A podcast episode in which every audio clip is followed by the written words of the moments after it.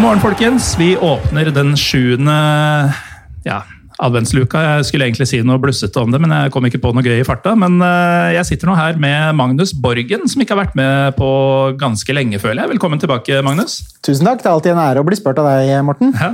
Du, var jo, eh, du var jo tidlig på'n, du. Med, altså, du var allerede i episode fire eller noe sånt av Pyro Pio. Det føles som en mannsalder siden. Ja, jeg, jeg eh, falt jo for dette konseptet veldig tidlig. og ja, Fjerde episode. Det, men det er, det er femte sesongen du driver nå, så det er vel snart fem år siden. da. Ja, jo, du kan jo se sånn på det også. Um, du, eh, du og jeg har jo snakka veldig likt språk, da, eh, med tanke på at du står bak en bok som heter 'Fiender til vi dør'. Eh, og For folk som ikke hørte på Pyro og Pivo for eh, snart fem år siden, eh, hva er det slags bok? Det, det begynte jo som et sånt backpacker-prosjekt. Skulle reise ett år og se fotball. Og det som jeg alltid hadde hatt en drøm om da jeg vokste opp på Vålinga i Oslo på 80-tallet, det var å få spille i de heteste matchene i verden. Jeg ble aldri en så god fotballspiller at jeg fikk anledning til å gjøre det, men da jeg var i slutten av 20-åra, så bestemte jeg meg for at jeg skulle reise et år og se verdens heteste fotballkamper, og det ble boka 'Fiender til vi dør'. eh, som Det er noen år siden den er blitt gitt ut, men det er fortsatt noen eksemplarer igjen. Så, men eh, det var altså en reise til 17 forskjellige land, hvor jeg så altså de 17 heteste fotballkampene det landet, de landene hadde å by på. Det er jo så deilig. Eh, er det deg direkte man går til hvis man eh, har lyst på et eksemplar til jul? Man kan kontakte meg på Twitter. Så er det, en, det er fortsatt en del bokhandlere som også kan bestille, men Pyro og Pivos lyttere bør jo ikke gå over eh, bekken etter vann på internett. Nei, ikke sant? Og da er det jo fint å minne om at vi er på Twitter, og du er tagga i dagens luke, hvis folk ønsker å finne deg der. Men eh, vi, vi snakker ofte litt med, med gjestene om eh, deres jul, men det slo meg jo nå at på den, eh, på den turen så var du vel kanskje borte over jula?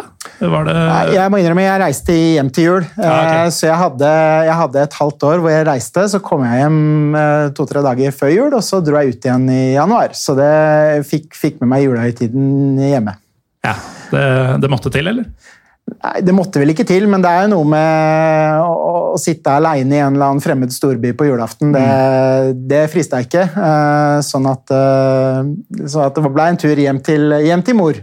Husker du hvilken eh, storby eller hvilket land du forlot den gangen? Altså Hvor du ville vært hvis du ikke hadde dratt hjem? Hvis jeg ikke ville vært, så ville jeg vært i, i Liverpool. Ja. Eh, Det var jo sånn at Dette forlaget som jeg jobba for, hadde bare e- ett krav, og det var eh, nordmenns anglofile eh, kjærlighetsforhold til Premier League måtte dekkes. Eh, Og Da var selvfølgelig da Liverpool og Manchester United valgt ut, eh, også ut fra litt kommersielle hensyn. Så det jeg føler jeg er det eneste liksom sell-out-kapittelet i det boka, og jeg ikke helt valgte sjøl.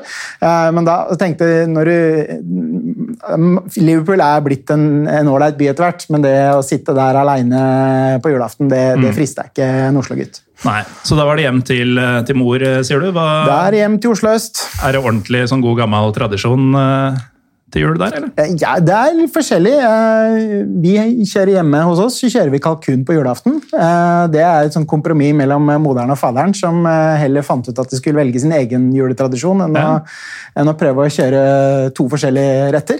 Så det er det. Så det er, men huset er pynta til jul. Man tar fram alt krimskrams fra, fra åra før, og det er, det er hyggelig. Jeg er glad i jula. Du er eh, faktisk langt fra den første som har nevnt eh, kalkun til jul nå. Jeg, jeg trodde, det, trodde nesten ikke det fantes i Norge, men det er både så jeg husker riktig, Thomas Aune og Paul Thomas Clay har allerede nevnt at det er kalkun i jula. Ja, og det har det vært fra, egentlig fra helt siden jeg kan huske, i hvert fall så jeg var liten og gikk på skolen. Uh, og når man da ikke lenger har besteforeldre sjøl heller i live, uh, så ble det til at mine foreldre ganske tidlig fant ut at eh, man kunne heller skape sin egen juletradisjon. og og det var jo litt sånn med hånda på hjertet at man syns dette eh, det var faktisk bedre eh, altså på smak enn å spise mm, ribbe, pinnekjøtt osv. Så videre. sånn at jeg tror man valgte det. Eh, men også for å bygge noe. Jeg har også to søstre som, som tidvis kan være litt kresne, men som mm. kalkun er safe bet. Ja, Altså jeg, eh, jeg vil jo alltid slå et slag for fugl, sånn eh, av prinsipp. Men eh, Ja, og jeg liker jo da å tenke på eh, fugler som er stekt og kokt og grilla. Sånn at, som du eh, skjærer i filler og ja, kvitter deg med. Ja, så nei da. Men, eh, jula er ålreit, og det skal være sju, julekaker på bordet. Og, og, det er tradisjonsprega. Jeg er glad i, glad i jula og, og, og, julaften. Det er veldig fint at det er én dag. Da. Uh, det er ordentlig jul, og så mm. må man gjøre andre ting utover det. Ja, det, det, må man, rett og slett. Og en av de tinga man må, er jo å tenke på fotball, eventuelt å se fotball hvis det er noe som går om dagen. Og um, det andre faste punktet vi har da, i årets kalender, er jo at vi Eh, ber dere gjester om å anbefale en kamp til, til meg og til lytterne som, som, du mener at man bør oppleve i løpet av livet. Ja. Og Er det én mann å spørre om det, så er det jo deg, med tanke på disse 17 oppgjørene du har skrevet bok om. Ja, og jeg tenkte da må jeg jo Eh, for det første var det en veldig fin anledning da du tok kontakt, Morten, å begynne å se i denne boka. Eh, begynne å gå igjennom alle minnene. og er, Man snuser jo litt på skal man velge Istanbul. ikke sant? Fenerbahçe mm. Galatasaray er en opplevelse. Eh, Glasgow er jo fantastisk. Old Firm der. Man kan også vurdere klassikere i Nederland. Man kan tenke på Ruhr Derby i Dortmund nå, som har fått seg en ny vinkling med, med norske øyne. Eh, men for Man har jo så mye godt.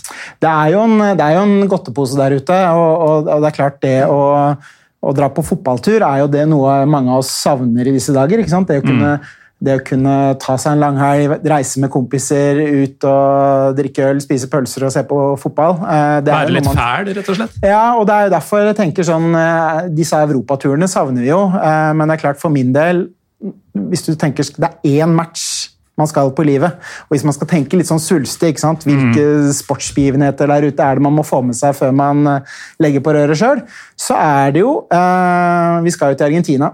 Ja. Vi skal til Buenos Aires, eh, og vi skal til eh, der hvor lyden, luktene, synet, følelsene Det vibrerer på stadion. Vi skal jo til eh, den, dette oppgjøret som kalles Super Classico. Ja. Det er jo ikke overraskende verken for oss som har lest boka, eller for meg som har teksta litt med deg de siste dagene. Eh, men spesielt kanskje i disse dager, for det er jo bare, det er jo kort tid siden den største gikk bort. Og det er kanskje litt, eh, litt det som har bikka deg over, eller? Ja, du kan si Maradona har for meg alltid vært eh, var jo et barndomsidol. Mm. Jeg har kanskje bare hatt ett idol i livet mitt, ja, og det var Diego Armando Maradona. Så klart at han ikke lenger er blant oss, var med å påvirke valget, men jeg vil si også at det, dette med det romantiske da, forholdet til Latin-Amerika, Argentina, altså fotballhistorien der. For meg handler jo fotball veldig mye om den fotballkulturen et land har. Mm. det handler jo, altså Fotball er folk. Det er jo det det, handler om. Det er jo egentlig ikke Eh, det er jo egentlig ikke de spillere som til enhver tid tar på seg en drakt, eh, selv om det er fantastisk å se enkelte av de vi, vi kan se nå. Men det er jo den historien et stadion har i, i veggene, det, er en den klubb klarer å representere. Da. Mm. Så for meg så er, så er, eh, Buenos Aires er, det på en måte det krysser av alle de boksene eh, som skal til da, for at man skal kalle seg et høy, høy fotballkultur. Ja, ikke sant. Og det, det, krysser jo alle boksene. Jeg har ikke vært der selv, men eh, det er, eh, det er vel fort, altså før du begynte å snakke nå, eh, førsteplass på min ønskeliste. Og har vært det i en del år. Og skal man ta noe positivt ut fra tidene vi er inne i, da, så er det jo at reisekassa den, den vokser jo og vokser jo for hver måned man ikke får gjort noe. Så kanskje blir 2021 året hvor hvor man kan ta den helt ut. Da. Ja, absolutt. og det er klart, eh, Store kostnader med å komme seg til Argentina det er jo det er to ting. Det er dyrt å fly, eh, mm. og det tar ganske lang tid. Så du må ja. jo sette av en uke ferie rett og slett, hvis du skal eh, kunne gjøre det.